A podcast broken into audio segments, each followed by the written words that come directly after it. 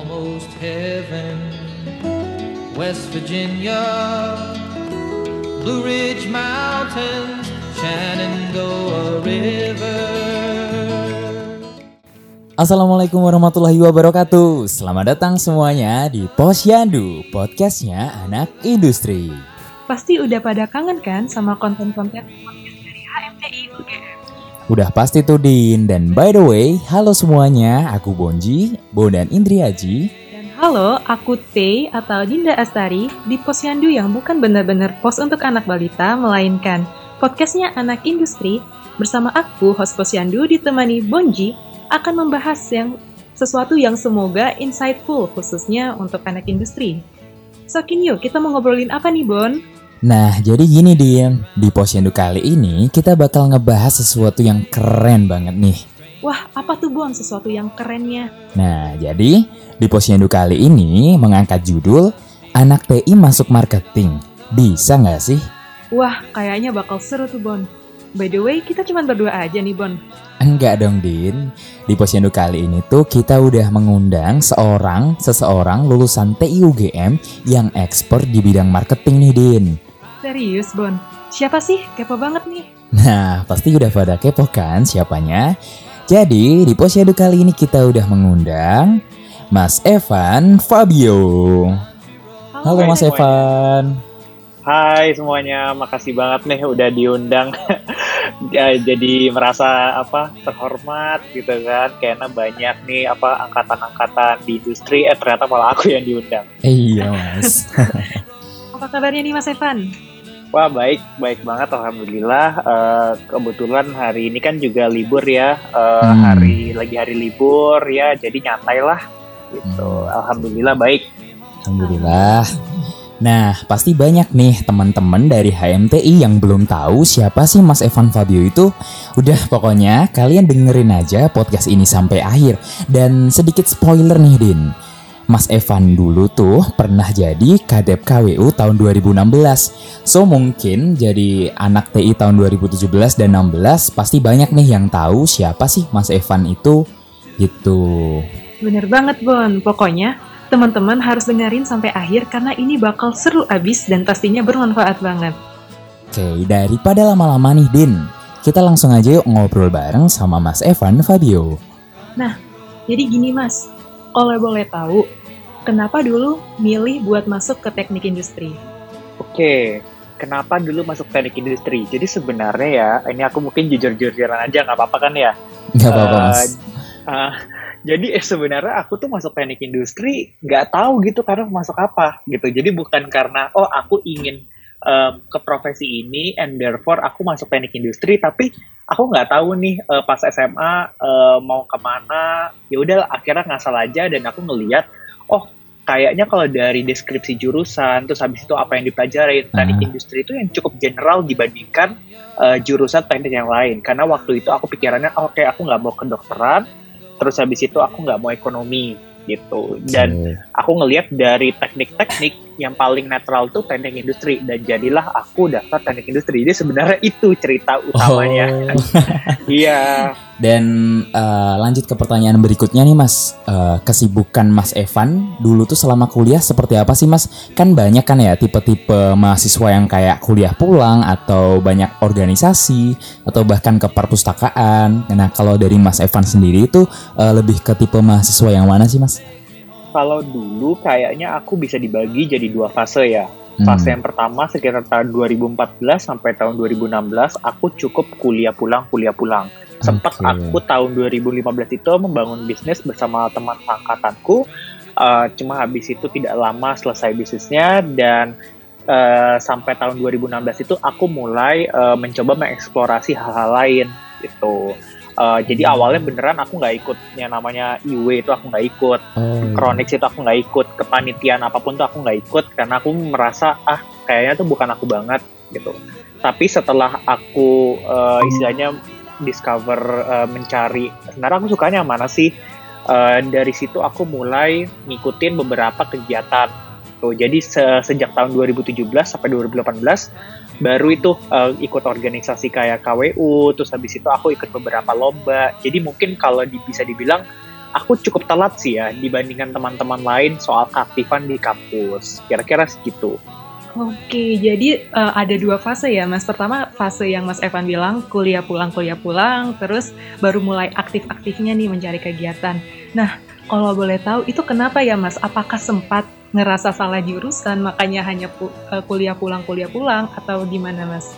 Uh, enggak, mungkin bukan salah jurusan kali ya. Tapi kalau aku lebih ngerasa, oke okay, kayaknya aku waktu itu belum nemu aja yang mana yang disukain. Jadi mungkin ada beberapa tipe orang ya mungkin kalau di beberapa temen yang denger ini ada juga yang memang dari masuk kuliah itu sudah tahu ingin ke mana. Jadi apa yang mereka lakukan pun juga benar-benar terarah. Nah tapi kalau aku tipenya aku nggak orang yang nggak mau melakukan apa-apa kalau misalnya belum tahu nih end goalnya seperti apa. So uh, dua tahun pertama itu yang aku lebih banyak habiskan adalah mencoba uh, menemukan aku tuh sebenarnya suka di mana sih. Aku coba baca buku, terus habis itu aku sempat uh, ngeran bisnis, gagal nggak apa-apa, bangkrut, terus habis itu akhirnya aku juga suka uh, nulis, blog dan segala macam. Jadi sebenarnya dua tahun pertama tuh lebih kayak trial error ya. Jadi coba A, suka, uh, yaudah lanjut. Kalau nggak suka, yaudah tinggalin cari hal yang baru. Sampai akhirnya tahun 2016 itu aku mulai tahu, oh aku sukanya ini toh. Oke, ak akhirnya dari karena aku tahu sukanya ini, jadi um, goal itu aku turunkan ke beberapa aktivitas, contohnya salah satu itu ke organisasi di KWU. Kira-kira sih kayak gitu ya waktu itu. Uh, jadi cara pikirnya aku nemuin dulu apa sih yang aku pengen capai, baru setelah itu diturunkan menjadi aktivitas atau lomba-lomba. Oke, jadi dari Mas Evan sendiri itu lebih milih buat uh, nyari dulu nih apa yang cocok sama diri Mas Evan. Nah, baru itu di uh, realisasikan dalam kegiatan-kegiatan itu ya Mas ya. Oke, dan ya, betul. Uh, kalau nggak salah nih Mas, dan dengar-dengar dari Mas Geraldo tuh, uh, Mas Evan tuh dulu pernah menjabat jadi kadep KWU ya? Iya betul. Nah, yang pengen aku tanya tuh, uh, kenapa sih alasan Mas Evan tuh milih KWU? Itu apa dan gimana ceritanya bisa jadi kadep KWU dari 2016? Uh, nah, itu juga sebenarnya mungkin rada esiden ya. Jadi aku ingat banget waktu itu aku mulai ikut uh, perekrutan HMTI sekitar tahun 2016. Nah kebetulan uh, eh, 2016 itu ketika aku sudah selesai berbisnis tuh. Jadi yang tadi aku bilang aku bisnis sama temanku. Uh, terus habis itu setelah selesai akhirnya aku ikut perekrutan. Nah ketika saat itu karena aku udah tahu nih rasanya bisnis, oh kayaknya aku merasa aku ada ketertarikan deh di sana Nah, akhirnya cobalah aku gali, aku gali, dan aku coba mencari wadah untuk mengembangkan skill itu. Nah, okay. makanya waktu perekrutan HMTI, kebetulan banget tuh, oh kayaknya ada wadah nih di HMTI, ya udahlah kenapa nggak aku coba ikutin aja. Jadi sebenarnya proses berpikirnya seperti itu sih. Pas okay. udah dapat insight, sebenarnya kewirausahaan itu ngapain sih? Nah, akhirnya aku memutuskan untuk ikut ke sana. Gitu. Okay.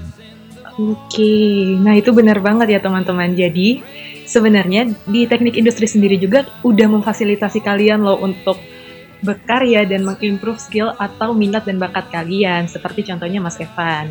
Nah, uh, mungkin aku loncat sedikit nih Mas. Gimana sih proses setelah lulusnya Mas Evan sampai dapat kerjaan pertama? Dulu langsung dapatkah atau menunggu beberapa waktu? Sebenarnya dulu ya, uh, kalau dapatnya itu sebenarnya langsung, tapi kalau aku boleh bilang prosesnya itu nggak langsung. Jadi sebenarnya sebelum aku lulus itu aku udah mulai mengumpulkan portfolio. Mungkin ini uh, itu ya apa misalnya nanti hubungannya ada sama pekerjaanku pertama. Jadi mungkin kalau beberapa teman yang belum tahu uh, pekerjaan pertamaku tuh dulu di creative agency di Jakarta. Nah, uh, untuk masuk ke creative agency itu uh, biasanya CV itu nggak dilihat. Jadi mau kita IPK-nya tiga setengah kayak mau IPK-nya empat itu nggak nggak berpengaruh. Tapi yang lebih berpengaruh itu lebih ke portfolio. Apa sih proyek yang udah kamu lakukan, terus habis itu result yang sudah kamu bisa hasilkan untuk klien itu apa sih? Nah, jadi portfolio itulah yang sempat aku bangun sebelum aku lulus kayak satu tahun terakhir sebelum aku lulus aku udah mulai mempersiapkan jadi ketika waktu itu aku lulus, kebetulannya aku dapat uh, info lowongan, aku coba daftar dan akhirnya langsung dipanggil gitu. Jadi sebenarnya langsung sih prosesnya. Oke, jadi selain Kalau secara timing ya. Jadi selain uh, eh, IPK itu penting, ternyata portofolio itu juga penting ya Mas ya? Iya, kalau di bidangku waktu itu portfolio justru lebih penting daripada IPK. Oke, tadi kan uh, kita udah sedikit nih nyinggung dari kehidupan Mas Evan ketika kuliah dan udah mulai dikit-dikit nih uh, masuk ke perjalanan karir Mas Evan di dunia kerja. Nah, tadi kan Mas Evan kan bilang ya kalau dulu tuh sempat kerja di agensi kreatif. Boleh diceritakan nggak sih Mas uh, seperti apa sih kerja di agensi kreatif untuk anak industri itu seperti apa sih Mas? Nah, kalau kerja di agensi kreatif sebenarnya mungkin ini rada itu ya, rada keluar jalur ya dari anak teknik industri diajarin apa dan apa itu uh, agensi kreatif. Hmm. Basically agensi kreatif itu agensi di mana kita punya klien nih. Uh, kliennya itu bisa macam-macam, bisa misalnya restoran, atau juga kliennya tuh ke apa perbankan. Jadi sebenarnya tuh macam-macam. Apa yang kita lakukan? Kita memberikan jasa. Nah, dalam konteks yang waktu itu aku lakukan, jasa yang diberikan itu adalah jasa marketing, uh, baik itu di sosial media atau di channel-channel lainnya. Jadi kita lebih ke digital marketing. Nah, uh, jadi apa yang kita lakuin ya, misalnya kita membuat sebuah campaign, kita membantu meningkatkan sales mereka melalui channel online karena kan kalau misalnya kita ngomongin bisnis, ada beberapa acquisition channel tuh. Ada channelnya yang berbayar, ada channelnya yang nggak berbayar. Contohnya kalau channel yang nggak berbayar itu misalnya kita bisa pakai Instagram atau Zomato atau website. Kalau misalnya yang berbayar itu channel-channel seperti advertising. Nah, jadi apa yang dilakukan oleh agency? Basically kita membantu klien untuk meningkatkan sales melalui channel channel-channel marketing itu. Nah, itu sih lebih ke uh, overview dari apa sih yang dilakukan di agency. Dan sebenarnya ini agency mau itu di Jakarta, mau itu di Surabaya atau di Jogja itu kurang lebih mirip. Cuma biasanya uh, setiap agency itu ada spesialisasi yang berbeda gitu. Oke, nah kan Mas Evan bilang tuh kalau agak keluar sedikit dari teknik industri. Nah, kalau boleh tahu nih, apa sih tantangan terbesar ketika bekerja di agensi kreatif waktu itu? Kalau tantangan terbesar ya, hmm, mungkin tantangan terbesarku waktu itu adalah beradaptasi ya. Karena uh, aku empat tahun itu aku uh, tumbuh, aku belajar dengan culture seorang teknik industri, ya kan? Kalau misalnya kita tahu nih, misalnya culture seorang teknik industri atau misalnya culture teknik in general, itu biasanya mereka sangat rigid, sangat kaku, sangat terstructure Yeah, Sedangkan bener -bener. ketika kita loncat ke misalnya bidang kreatif, sometimes tuh orang-orang yang aku temuin itu cukup unik ya. Uh, jadi orang-orang itu kadang mikirnya dari A ke Z ke C gitu. Jadi uh, I guess adaptasi dari culture yang biasanya aku pahamin dan aku masuk ke industri yang orang-orang itu cukup berbeda dibandingkan dengan apa yang selama ini aku tahu. Jadi sebenarnya itu sih yang paling challenging. Nah, terus habis itu juga dari cara kerja. Ini uh, ini ngikut dari poin yang baru aja aku bilangin soal cara kerja kalau misalnya orang teknik industri atau teknik biasanya kita lebih terstruktur ya kita punya Gantt chart terus habis itu kita yes. belajar juga project management. Sometimes uh, orang-orang di bidang kreatif itu mereka um, kan karena mereka itu kerjanya tuh benar-benar uh, berbasis kreativitas ya. Jadi agak susah kalau misalnya kita ingin mengimplementasikan sebuah uh, sistem yang rigid gitu. Nah, jadi um, challenge terbesarnya adalah gimana nih kita bisa menemukan common ground antara aku yang misalnya background dari dunia teknik dengan mereka yang backgroundnya dari dunia kreatif. Itu sih, itu challenge terbesarnya. Oke. Okay. Jadi challenge terbesar dari Mas Evan tadi itu uh, cara menemukan uh, common groundnya di di Mas Evan sendiri yang dari teknik industri uh, yang berhadapan langsung nih sama orang-orang uh, kreatif gitu dan juga cara beradaptasinya.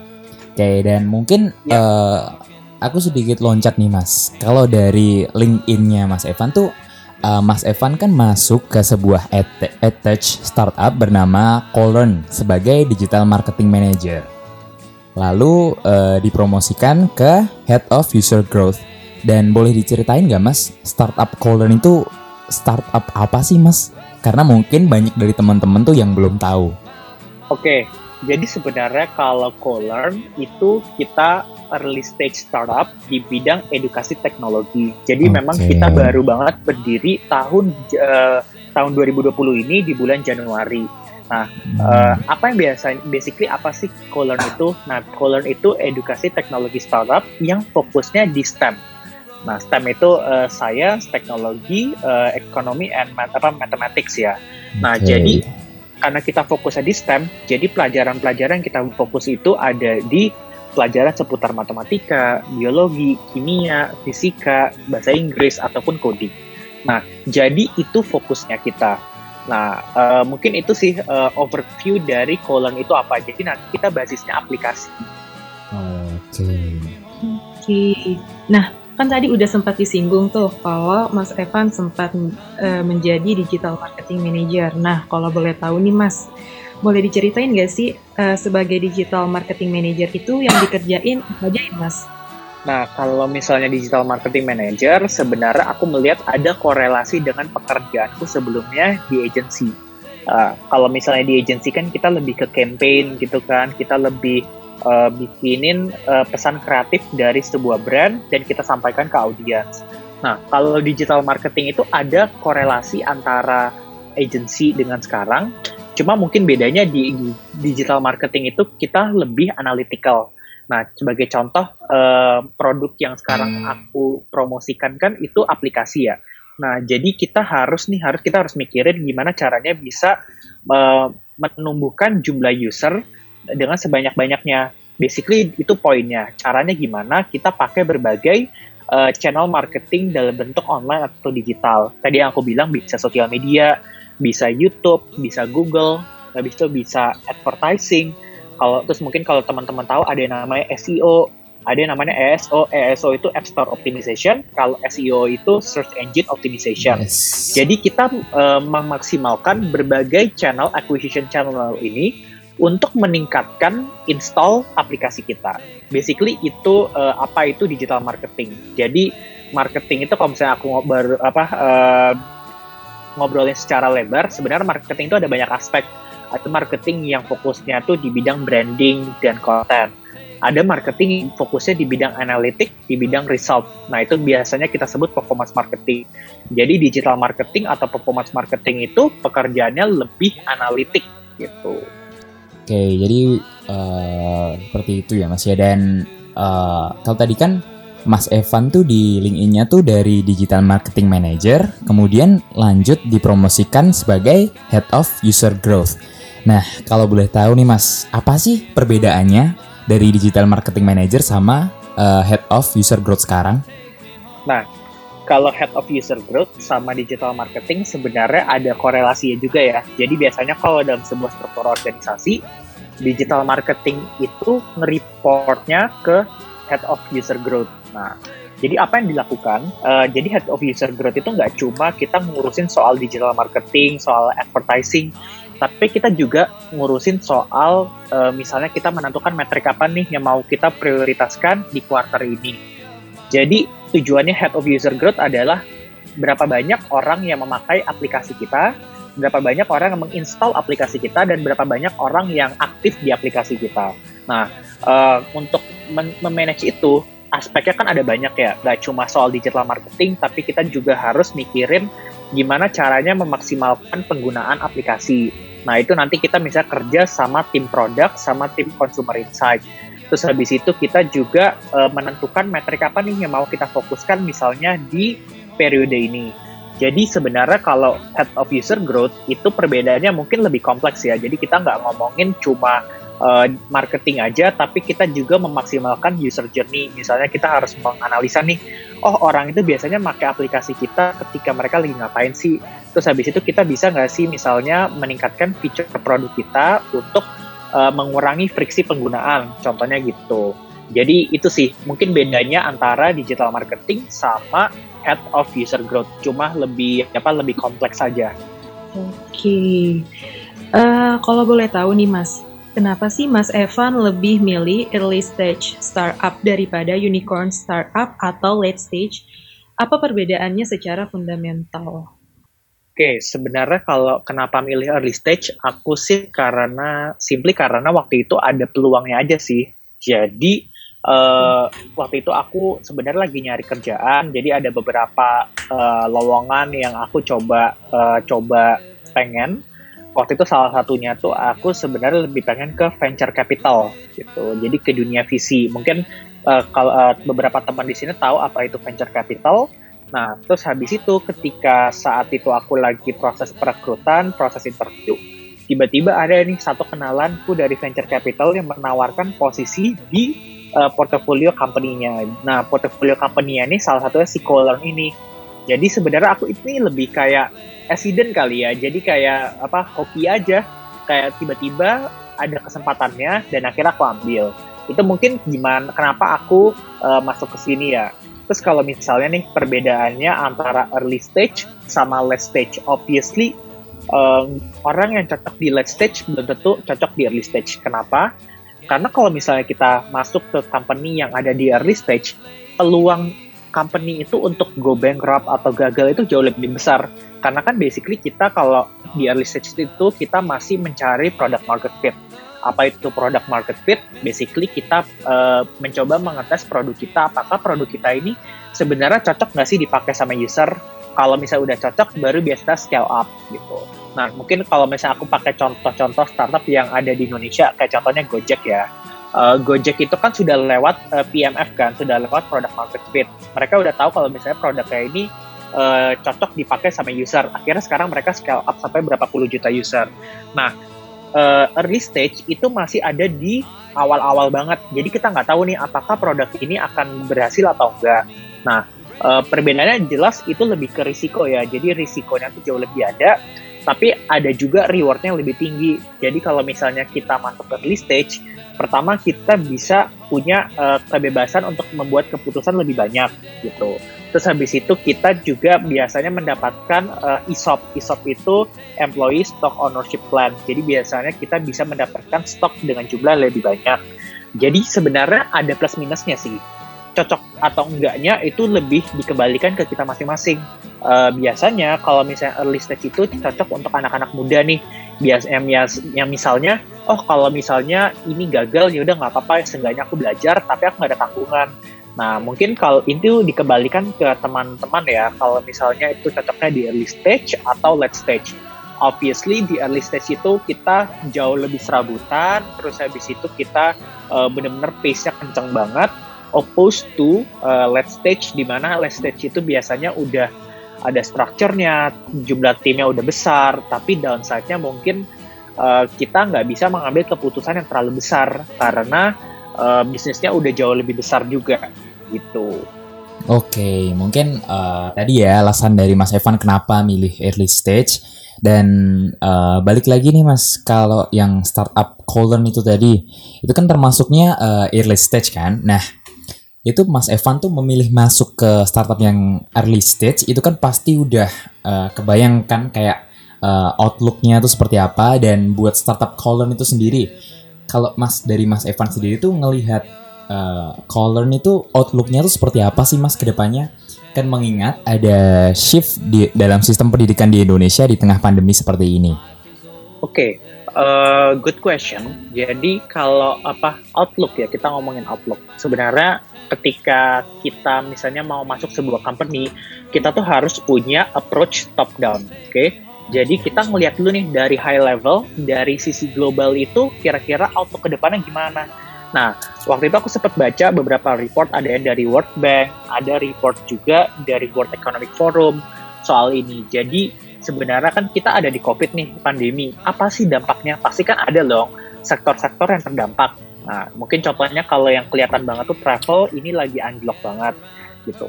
Terus uh, terus habis ini edukasi gimana? Ya apa especially edukasi teknologi.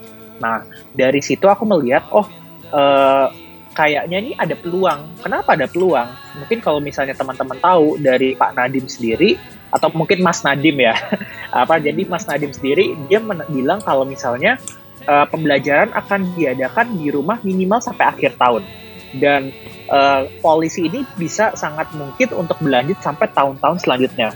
Nah, yang kita lihat di sini apa? Oh, kalau misalnya semua di-enforce buat belajar di rumah, tandanya adaptasi apa uh, penetrasi produk itu akan semakin mudah. Kenapa?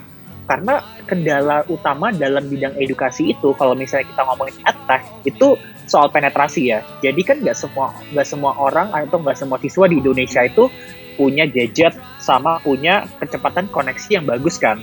Nah, kalau misalnya pemerintah udah ngomong, oke okay, semua pekerjaan atau semua pembelajaran ditaruh di rumah, obviously pemerintah akan ada dukungan-dukungan untuk menuju arah itu. Misalnya mungkin mereka uh, meningkatkan infrastruktur, kecepatan internet ditingkatkan, terus habis itu uh, pemberian gadget juga ditingkatkan juga. Nah, kita melihatnya ada peluang di sini, gitu. Jadi uh, kalau misalnya kita ngomongin dari level apa outlooknya, dari level policy, wah ini kesempatan yang bagus banget untuk edukasi teknologi nggak cuma di Indonesia tapi juga di dunia.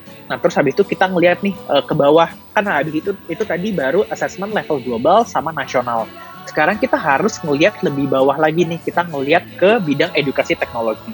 Mungkin uh, ad, uh, adalah beberapa tech kompetitor itu aku nggak sebutin itu kalian pasti tahu kan uh, ada yeah, apa yeah, uh, beberapa brand-brand yang kalian pasti tahu lah Nah, yes. yang kita ngelihat di sini uh, edukasi teknologi itu bukan winner takes all market gitu. Hmm. Mungkin kalau misalnya yang aku maksud dengan winner takes all itu, jadi cuma ada satu atau dua pemenang dalam industri itu. Contohnya nih ya, fintech payment. Jadi sekarang itu kan winner cuma ada OVO dan GoPay. GoPay. Terus habis itu kalau misalnya kita ngomong ride hailing atau super app, kita sekarang ada Gojek and Grab. Yes. Gitu kalau misalnya kita ngomongin sosial media, uh, winner takes all-nya tuh di uh, Twitter, Instagram, sama Facebook. Nah, jadi kan kita mulai kelihatan nih pattern-patternnya. Nah, kita ngelihat, oh, edukasi teknologi itu bukan winner takes all market, karena ada begitu banyak needs yang ada di, eh, di edukasi Indonesia. Jadi, hampir impossible untuk satu company uh, mengcover semua need yang ada di market itu. Nah, hmm. jadi let's say nih, uh, kalau misalnya kan aku sekarang aplikasi Kukolearn, bisa aja nih, misalnya anak-anak yang punya aplikasi Kukolearn, mereka juga install aplikasi lain, contohnya Ruang Guru atau Zenius. Itu sangat mungkin. Jadi itu dinamika yang aku ngeliat dan kenapa aku yakin, oh oke, okay, uh, eh, I think ini masih ada kesempatan buat kita buat menang. Obviously akan susah karena kita uh, kan kita baru masuk nih. Tapi itulah yang uh, bikin oh kayaknya outlook edukasi teknologi di Indonesia ini kelihatannya cerah gitu. Oke, nah jadi kita udah nih uh, membahas tentang perjalanan karir di dunia kerjanya Mas Evan. Sekarang kita move ke self development, career tips, and industry outlook. Masih berhubungan sama yang tadi. Dengan penjelasan itu, sepertinya pekerjaan Mas Evan tidak terdampak ya Mas sama COVID-19 ini. Nah, apakah ada insight dari Mas Evan soal cara bertahan di tengah-tengah pandemi? Kalau tips uh, insight ya, mungkin aku nggak yakin sih apakah misalnya aku ini cukup berpengalaman ya karena kan aku juga baru. Cuma mungkin approach yang bisa uh, dipakai teman-teman uh, khususnya teman-teman industri yang uh, baru lulus atau akan lulus itu uh, menurutku paling penting gimana kita punya approach top down. Jadi kita benar ketika kita mau masuk suatu industri kita ngelihat dari level globalnya seperti apa kita turunkan bentuk polisinya tuh di Indonesia seperti apa Lalu kita lihat uh, sebenarnya kompetisinya seperti apa sih? Karena uh, kalau misalnya dari pengalamanku sebelumnya, kesalahan ini kesalahanku juga sih kayak sebagai contoh gini. Waktu itu kan kita, uh, eh, aku masuk teknik industri, aku nggak nggak pikiran sampai sejauh ini kan. Aku baru tahu ketika aku ini mau lulus, oh ternyata untuk kita memilih sebuah pekerjaan tuh nggak nggak semata-mata gengsi atau semata-mata teman-teman pada ke mana, tapi more than that itu kita uh, bisa membaca industri itu arahnya ke mana. Menurutku itu skill paling penting sih. Nah, caranya gimana? Caranya bisa kita tahu, obviously dengan kita selalu mengupdate knowledge kita. Jadi kalau misalnya nih, uh, sebenarnya teman-teman juga bisa untuk mengakses informasi-informasi ini. Sebagai contoh, teman-teman bisa buka di Twitter. Di Twitter tuh banyak banget informasi-informasi dari akun-akun yang bagus gitu kan. Terus habis itu teman-teman juga ada website, contohnya tuh website yang aku suka akses namanya TechCrunch. Uh, jadi itu website dari US itu bagus banget soal insight. Nah, terus habis itu uh, kalau misalnya mungkin insight terakhir soal cara bertahan ya keep updating our knowledge gak cuma dari berita tapi juga dari networking gitu. Uh, jadi itu sebenarnya kalau aku boleh uh, summarize cara bertahan tuh ya nggak ada ilmunya juga ya uh, I guess itu ilmu itu sesuatu yang kita adaptasi terus habis itu ya udah kita tahu sebenarnya sekarang itu industri apa sih yang lagi booming hmm. gitu. Oke, okay, jadi uh, inti dari Mas Evan tadi itu cara bertahan di tengah-tengah pandemi itu kita harus tahu uh, industri itu mau bergerak ke mana. Uh, lebih dari itu kita juga harus nih uh, update kayak ilmu-ilmu pengetahuan lewat seperti uh, yang Mas Evan bilang tadi. Nah, kalau uh, boleh aku bilang nih dari track record uh, karir pekerjaan Mas Evan tuh semuanya tuh berhubungan sama yang namanya uh, marketing and growth ya Mas. Nah, yang pengen aku tanya itu uh, seperti apa sih uh, prospek kedua fungsi itu, Mas? Prospek sih kalau apa jawaban cepatnya bagus. apa kenapa bagus? Karena kalau misalnya kita ngomongin marketing and growth itu kan sesuatu yang pasti dibutuhkan di semua bisnis kan. Nah, itu udah pasti bagus, tapi marketing dan growth di bidang mana? Sebenarnya itu pertanyaan yang jauh lebih penting daripada uh, marketing dan growth itu bagus atau enggak. Uh, sebagai contoh yang seperti aku tadi bilang, kita harus ngeliat tuh industri mana yang bagus gitu. Kalau misalnya, let's say misalnya kita orang growth atau marketing ya, yaudah kita pilihnya ke industri-industri yang naik gitu. Nah kalau misalnya kita ngomongin uh, prospek pekerjaannya seperti apa, uh, marketing and growth itu sangat penting karena semua startup itu perlu, semua startup itu perlu growth dengan cepat. Jadi kalau misalnya kamu punya skill yang distinct soal growth, soal marketing, percayalah nyari kerja itu gampang karena memang dibut sangat dibutuhkan.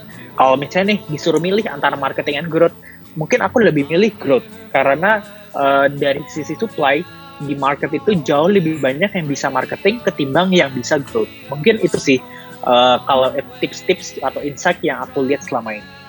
Oke, nah tadi kan sudah nih berbicara tentang soal prospek. Nah, misalnya nih Mas, ada anak teknik industri juga yang ingin masuk ke dunia marketing, growth, dan startup. Kira-kira apa yang harus dipersiapkan? Sedangkan seperti yang kita ketahui, jenis pekerjaan itu biasanya dikuasai oleh anak FEB atau jurusan bisnis dan manajemen. Itu gimana Mas? Hmm, kalau gimana cara mempersiapkan ya, mungkin yang aku bisa bilang itu uh, kita reverse engineer ya. Kita uh, apa mungkin teman-teman teman-teman tahu reverse engineer nggak? Uh, apa tuh mas? Nah, reverse engineer itu jadi gini, kita melihat uh, hasil akhir, lalu kita coba reverse engineer cara dia mencapai seperti apa. Contoh paling hmm, gampang gini, uh, kalian bisa browsing di LinkedIn, uh, kan di LinkedIn itu ada banyak banget network-network ya. Yeah. Nah, kalian cari misalnya orang-orang yang kalian pengen emulate tuh karirnya, misalnya oh dia kerja di sini di bidang ini. Habis itu kalian coba uh, gali lebih dalam dia tuh pengalamannya apa aja sih skill-skill relevan yang dia punya tuh apa aja sih atau misalnya sertifikasi yang dia punya apa aja lalu dari situ kamu mulai membangun portfolio itu untuk mengikuti seperti dia jadi sebenarnya kita kayak ngelihat hasil jadi terus habis itu coba nih kita telaah oh hmm. jadi dia tuh ngelakuin A B C D. Nanti akan kebentuk patternnya. Nah kalau misalnya kamu ngelakuin itu terus misalnya nggak cuma ke satu orang tapi ke dua atau tiga orang aku yakin itu akan ada patternnya dan akan istilah kamu akan mulai membangun portfolio untuk menuju arah itu. Ini kalau misalnya asumsinya udah tahu nih pengennya marketing and growth. Hmm, nah, ya. sebenarnya itu sih itu yang paling pertama karena itu yang aku lakuin ketika aku uh, kuliah. Jadi waktu itu aku mau menyiapkan buat dunia kerja, aku bangun portfolionya gimana? Ya udahlah, aku reverse engineer aja, aku coba browsing-browsing baik itu di Instagram, atau di LinkedIn terus habis itu aku lihat tuh apa sih yang dia lakuin in the past kan bisa nih kita scrolling atau kita stalking nah habis itu dari situ mulai kita build our own portfolio. Nah biasanya ketika proses pembangunan portfolio itu kita mulai menemukan nih oh nyata gue jagonya di sini loh. Ternyata tadinya pengen ngikut uh, ke orang itu tapi ternyata di tengah jalan gue kok nemunya lebih suka yang ini ya gitu. Biasanya itu sih proses discovery apa yang kita suka. Jadi uh, rada belok-belok, tapi sebenarnya intinya sama soal reverse engineering. Itu yang pertama. Terus yang kedua mungkin uh, gimana mempersiapkan ya itu sih update knowledge dari berbagai sumber. Oke, jadi uh, mungkin buat uh, teman-teman di teknik industri nih, apa sih yang perlu dipersiapkan uh, kalau pengen masuk ke dunia marketing, growth, and startup? Jadi itu yang pertama tadi uh, reverse, reverse engineer, dan yang kedua tadi ada update knowledge. Nah, kita uh, lanjut ke pertanyaan selanjutnya nih mas. menurut Mas Evan sendiri, apa sih distinct advantage-nya buat anak industri dibandingkan dengan jurusan lain? Contohnya uh, di bidang marketing and growth itu tadi, Mas. Oke, mungkin kalau marketing and growth ya, um, oke mungkin aku coba ngomongin nggak cuma marketing and growth, tapi sebenarnya keunggulan anak teknik industri in general ya. Jadi kalau aku ngelihat keunggulan utama anak teknik industri itu lebih ke soal project management. Kalau menurutku ini uh, distinct advantage yang kita punya. Jadi kan kita sempat belajar project management, terus habis itu kita juga belajar soal bikin Gantt chart, soal, bikin apa terus habis itu kita belajar berbagai jenis bidang. Kalau menurutku um, orang industri itu biasanya generalis. Nah, kalau misalnya kita orang generalis, biasanya kita bisa lebih melihat uh, bird eye view dari sebuah project. Menurutku itu sih apa uh, keunggulan utama yang aku ngerasain sebagai anak teknik industri jadi walaupun misalnya nih kalau dibandingkan jurusan lain mungkin kita kekurangan soal expertise atau technical skill, tapi itu bisa kita make up dengan people skill yang baik, project management skill yang oke, okay, terus habis itu terutama leadership. Itu sih. Nah, uh, aku nggak tahu sih apakah ini uh, di jurusan lain dimiliki atau enggak, tapi menurutku kalau misalnya aku boleh trace back nih, misalnya apa sih ilmu yang kepake dari dulu kuliah sampai sekarang menurutku itu ilmu project management. Karena uh, especially di posisi yang sekarang kalau misalnya kita udah ngomongin head atau atau manager biasanya ada empat skill yang harus kita kuasain. Yang pertama itu people skill yang kedua system skill yang ketiga budgeting skill dan yang keempat strategic skill gitu nah hmm. dari keempat itu di pelajaran uh, project management terus habis itu dari pengalaman kita organisasi itu menurutku kepake banget sih terutama yang people skill karena menurutku people skill itu yang paling susah gitu. Oke, nah kan tadi uh, Mas Evan udah ngasih tahu tuh kayak ke unggulan dari anak teknik industri itu sendiri, walaupun terdapat beberapa keunggulan, tetapi kita juga tetap harus mengupdate ilmu kita kan. Nah, untuk rekomendasi buku atau sumber yang bisa dipelajari buat teman-teman yang ingin masuk ke dunia marketing, startup, dan growth, kira-kira ada nggak mbak? Nggak mas? Uh, ada ya. Jadi mungkin sebenarnya kalau misalnya kita ngomongin rekomendasi buku, ini akan selalu berubah ya. Cuma aku mungkin akan kasih tahu beberapa rekomendasi buku yang baru-baru ini aku baca dan akan sangat membantu teman-teman yang ingin masuk dunia startup, marketing, atau growth juga. Jadi yang pertama tuh ada buku Radical Candor by Kim Scott. Jadi mungkin itu buku lebih soal leadership, gimana kita bisa menjadi better leader. Uh, terus habis itu kalau misalnya buku manajemen ada namanya The Hard Thing About the Hard Things by Ben Horowitz. Nah, jadi Ben Horowitz itu siapa? Dia seorang venture capital dan buku ini tuh bagus banget untuk kita yang pengen know deeper about a building company, terus habis itu soal growth, marketing, jadi benar-benar hal yang standar banget lah gitu. Nah terus buku-buku uh, baru-baru ini yang aku baca juga High Growth Handbook by Ella Gill itu buku yang bagus banget buat teman-teman yang mungkin pengen tahu nih soal growth itu seperti apa sih gitu. Terus ya, mungkin yang terakhir uh, buku yang aku rekomendasiin itu Measure What Matters by John Doerr. Nah jadi buku ini tentang OKR. Mungkin kalau teman-teman tahu, uh, aku nggak tahu sih, mungkin pernah dipelajari atau enggak. Kalau dulu sih aku enggak ya Uh, jadi tuh buku yang menjelaskan tentang OKR atau Objective Key Results. Nah, ini bagus banget buat teman-teman atau siapa pun yang misalnya memimpin sebuah organisasi atau sebuah tim.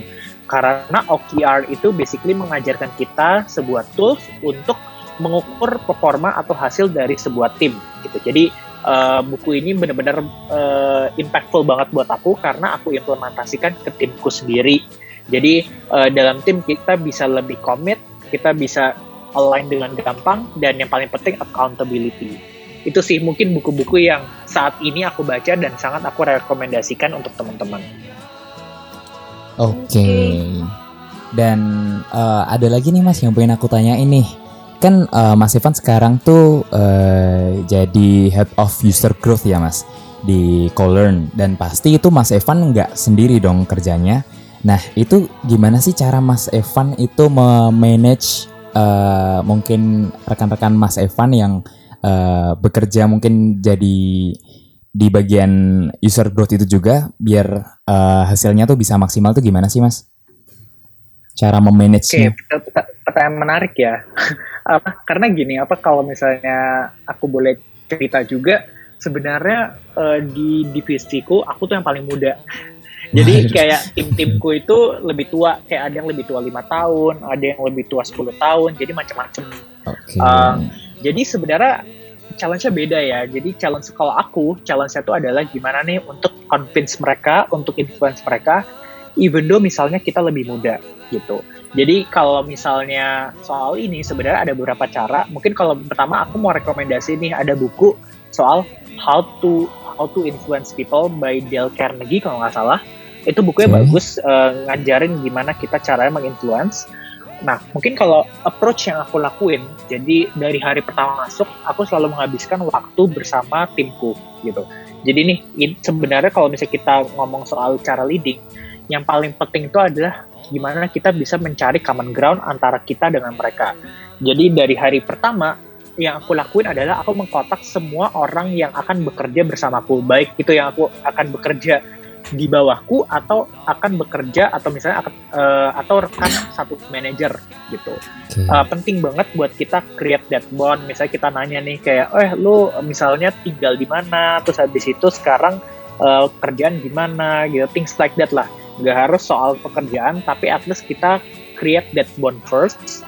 Jadi kalau misalnya kita ngomong cara ngelit orang atau misalnya cara bekerja sama, sebenarnya paling penting itu adalah make sure orang itu suka sama kita hmm. dan orang itu hanya akan suka sama kita kalau misalnya mereka tahu tentang kita kita tahu tentang mereka uh, kita mengingat hal-hal kecil tentang mereka jadi sebenarnya awal paling pertama itu bonding dulu gitu terus yang kedua uh, kalau misalnya nih di kasus aku kan timku lebih muda ya nah apa yang harus aku lakukan itu aku harus establish expertise nah jadi ini juga ada trik dalam manajemen orang di mana cara paling gampang buat kita untuk comment respect itu sebenarnya dengan kita mengestablish expertise.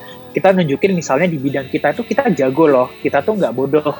Kalau misalnya gini, misalnya let's say kita punya pemimpin yang nggak tahu nih, yang lebih payah dari kita. Kan kita kan males ya dengerin mereka, atau misalnya mungkin kita nggak respect kan. Atau misalnya mungkin bukan nggak respect, tapi lebih susah untuk kita uh, buat mendengarkan dia, bener nggak? Itu. Terus yang terakhir mungkin uh, hal yang paling terakhir yang aku kasih tahu adalah ketika kita kerja sama orang, obviously nanti akan ada ada back and forth, habis itu ada akan ada argumentasi. Tapi menurutku yang paling penting itu adalah gimana kita bisa be direct tapi be respectful dan be constructive. Uh, contohnya kalau misalnya ada um, direct report kita atau misalnya orang di bawah kita yang kurang perform, uh, kita be direct aja, kayak kita ngobrol berdua sama dia, uh, kita point out sebenarnya apa sih hal-hal yang biasanya kita suka dari dia dan juga kita point out hal-hal yang menurut kita bisa diimprove dari dia. I think sebenarnya seni buat memberikan feedback itu juga skill yang perlu dimaster sih, nggak cuma sama uh, leader, tapi bahkan sama staff juga, gitu sih mungkin.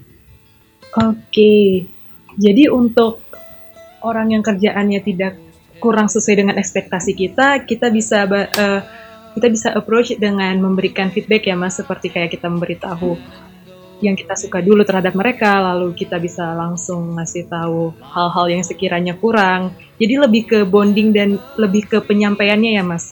Betul banget karena uh, ya tadi aku bilang seni buat kita bekerja sama orang tuh paling pertama itu make sure orang itu suka sama kita. Itu menurutku sih.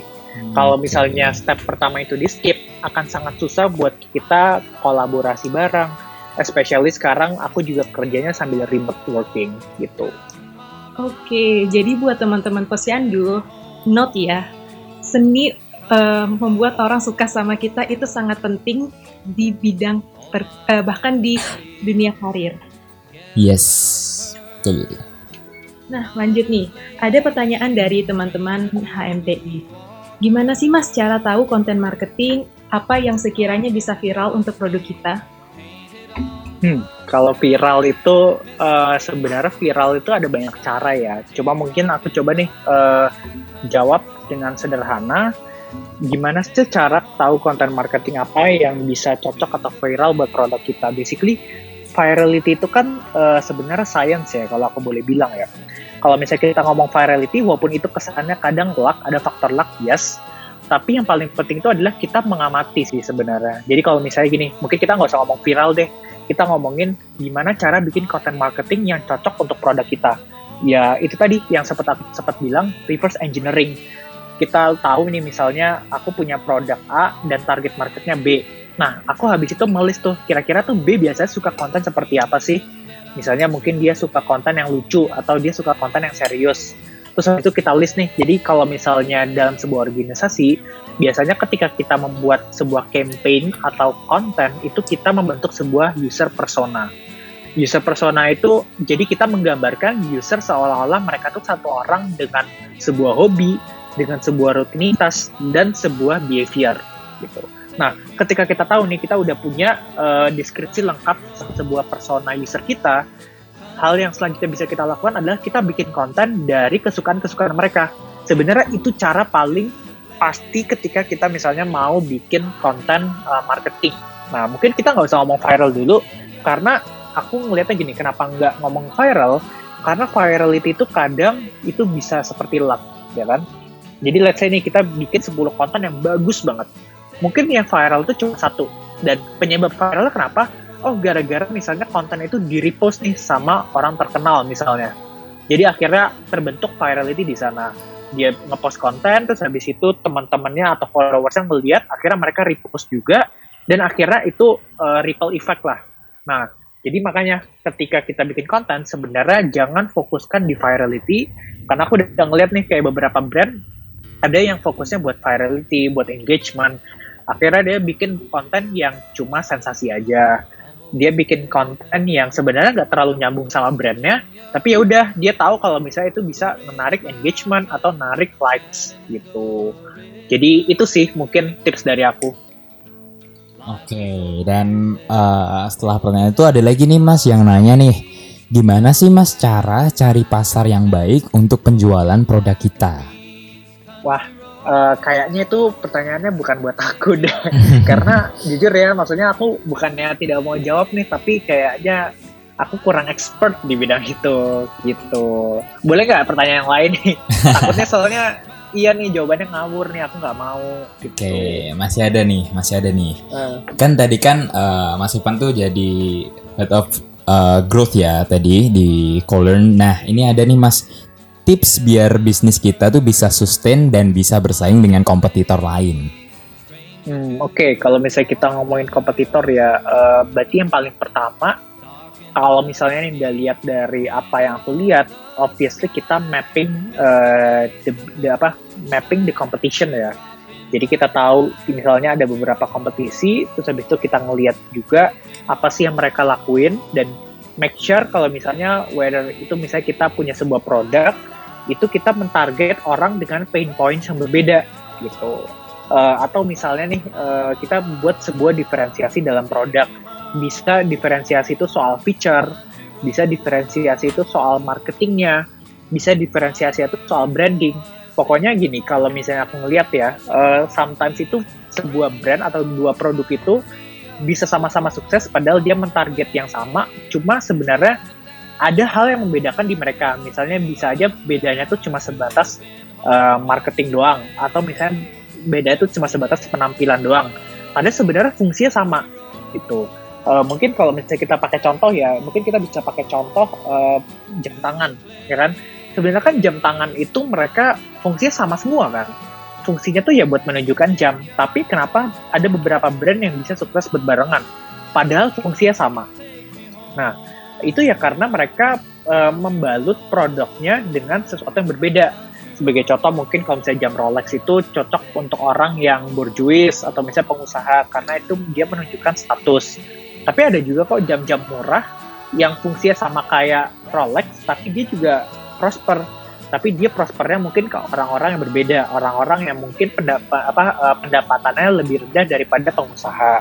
Jadi sebenarnya kalau kita ngomong uh, gimana cara bersaing ya kita map uh, kompetitornya seperti apa lalu make sure kalau misalnya produk kita bisa menawarkan sesuatu yang berbeda gitu. Nah, uh, ada nggak mas yang mau disampaikan buat para pendengar posyandu nih mas? Hmm, apa yang disampaikan ya? Oke, mungkin kalau sebenarnya nggak ada sih ya, tapi mungkin kalau aku boleh uh, kasih satu apa satu pesan mungkin aku juga tahu nih kalau misalnya tahun ini sekarang lagi susah banget terutama untuk angkatan 2016 untuk cari kerja gimana. Kenapa aku tahu? Karena sebenarnya aku tuh angkatan 2016 aslinya. Cuma aku tuh sempat aksel jadinya aku kayak duluan lah gitu. Dan aku ngelihat betapa susahnya uh, sekarang nyari kerja. So I guess pesanku sih sebenarnya di resilient aja. Uh, terus ngebangin skill, ter jangan sungkan-sungkan, istilah jangan hemat-hemat kalau misalnya soal self development, atau misalnya untuk mencari networking baru karena memang cari kerja itu susah mungkin ya. Jadi sebenarnya uh, ini bagus banget kalau misalnya ada podcast-podcast kayak, kayak gini dari HMTI di mana kita mungkin teman-teman HMTI bisa manggil beberapa teman alumni terus habis itu berbagi insight. Uh, mungkin itu sih pesanku. Uh, pokoknya semangat aja buat angkatan 2016, 17, dan 18 nanti ke depannya semoga uh, nanti nggak susah lah nyari kerjanya gitu. Amin. Amin. Makasih Mas. Nah, jadi teman-teman udah pada tahu kan bagaimana bisa dari teknik industri ke marketing and growth. Ternyata di teknik industri juga memiliki hubungan dalam bidang tersebut loh. Nah, sampailah kita di penghujung podcast untuk episode ini. Sebelum menutup, boleh dong Mas minta closing statement-nya. Wah, closing statement ya? itu tadi udah closing statement itu malah. itu tadi udah closing statement ya? uh, uh, iya, udah closing statement. Uh, okay. Gak, gak ada sih, uh, cuma mungkin closing statement dari aku adalah uh, good luck buat teman-teman HMTI yang sekarang lagi uh, kuliah, yang lagi belajar, yang mungkin lagi mempersiapkan skripsi, dan uh, yang apa mungkin pesan dariku adalah kalau misalnya kalian mungkin beberapa dari kalian merasa tertinggal atau misalnya merasa nggak tahu apa-apa, don't worry about that karena kebanyakan dari kita eh, teman-teman alumni yang sekarang udah kerja juga pernah merasakan seperti itu. Bahkan mungkin ada yang merasakan seperti itu telat ketika pada saat kerja. Mungkin pesanku adalah uh, hidup itu buat kalian mungkin baru mulai, buat kita pun juga baru mulai, gitu sih. Oke, keren banget nih Mas Evan. Sip, Terima kasih nih buat Mas Evan atas waktu dan sharing pengalaman serta ilmunya yang bermanfaat banget nih. Semoga dengan mendengarkan Posyandu ini, teman-teman khususnya dari TIUGM akan terbantu dan memiliki gambaran tentang prospek TI itu sendiri dalam bidang marketing and growth. Sukses terus buat Mas Evan dan terima kasih banyak ya Mas telah menyempatkan waktunya. Makasih Mas. Siap, makasih banget nih. Iya, makasih banget ya udah diundang sukses kita buat HMT. Oke, siap. Terima kasih banyak Mas Amin. Siap. Oke. Oke, saya Bonji undur diri. Saya Dinda undur diri dan terima kasih buat kalian para pendengar Posyandu yang udah ngedengerin podcast ini sampai akhir. Tetap stay tune ya buat pos buat Posyandu selanjutnya. Bye. Bye.